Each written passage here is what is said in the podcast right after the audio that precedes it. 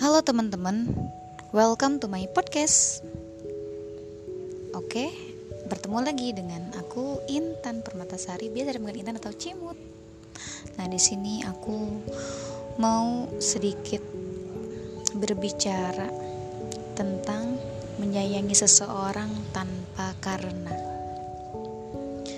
Mencari teman hidup bukan menyoal tampan, harta, apalagi gelar tapi tentang seseorang yang mau duduk bersamamu sampai rambut memutih dan raga tak mampu lagi berbuat banyak. Sayangnya, kita sering kali terdistorsi. Kita lupa bahwa sebenarnya berkomitmen itu tentang komunikasi. Bicara mengenai komitmen, aku pernah takut dengan komitmen. Aku takut dengan kata menikah. Takut dengan ikatan monogami seia sekata sehidup semati. Tapi ketika rasa takut mendera, ku pejamkan mata. Ku bayangkan kita tinggal di rumah kayu sisi pantai, dengan aroma laut memenuhi udara. Hidup kita sederhana, tanpa perlu disibukkan urusan dunia maya. Tanpa harus terbawa arus modernisasi.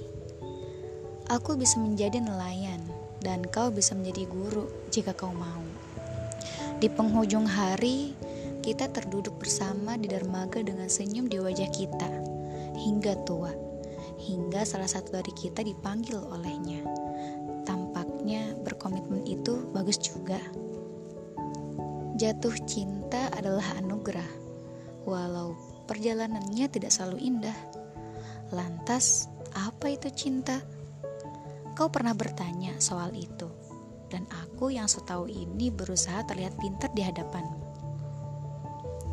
Menurutku, cinta adalah reaksi kimia, sebuah efek yang ditimbulkan oleh feroman, endorfin, dan serotonin yang kelak mungkin saja menghilang. Iya, cinta bisa menghilang. Lantas, kenapa kakek dan nenek kita bisa bertahan hidup berdua sampai mereka meninggal? Karena saat cinta menghilang, mereka punya sesuatu yang disebut kasih sayang, keterbiasaan, empati, dan tentu saja komunikasi. Jadi, untuk mau calon pendampingku kelak, aku tidak tahu sampai kapan aku bisa jatuh cinta padamu. Tapi aku jamin, aku akan jadi orang yang terbangun di sebelahmu dan mengatakan, hidup akan baik-baik saja selama kita memiliki kita karena aku menyayangimu tanpa karena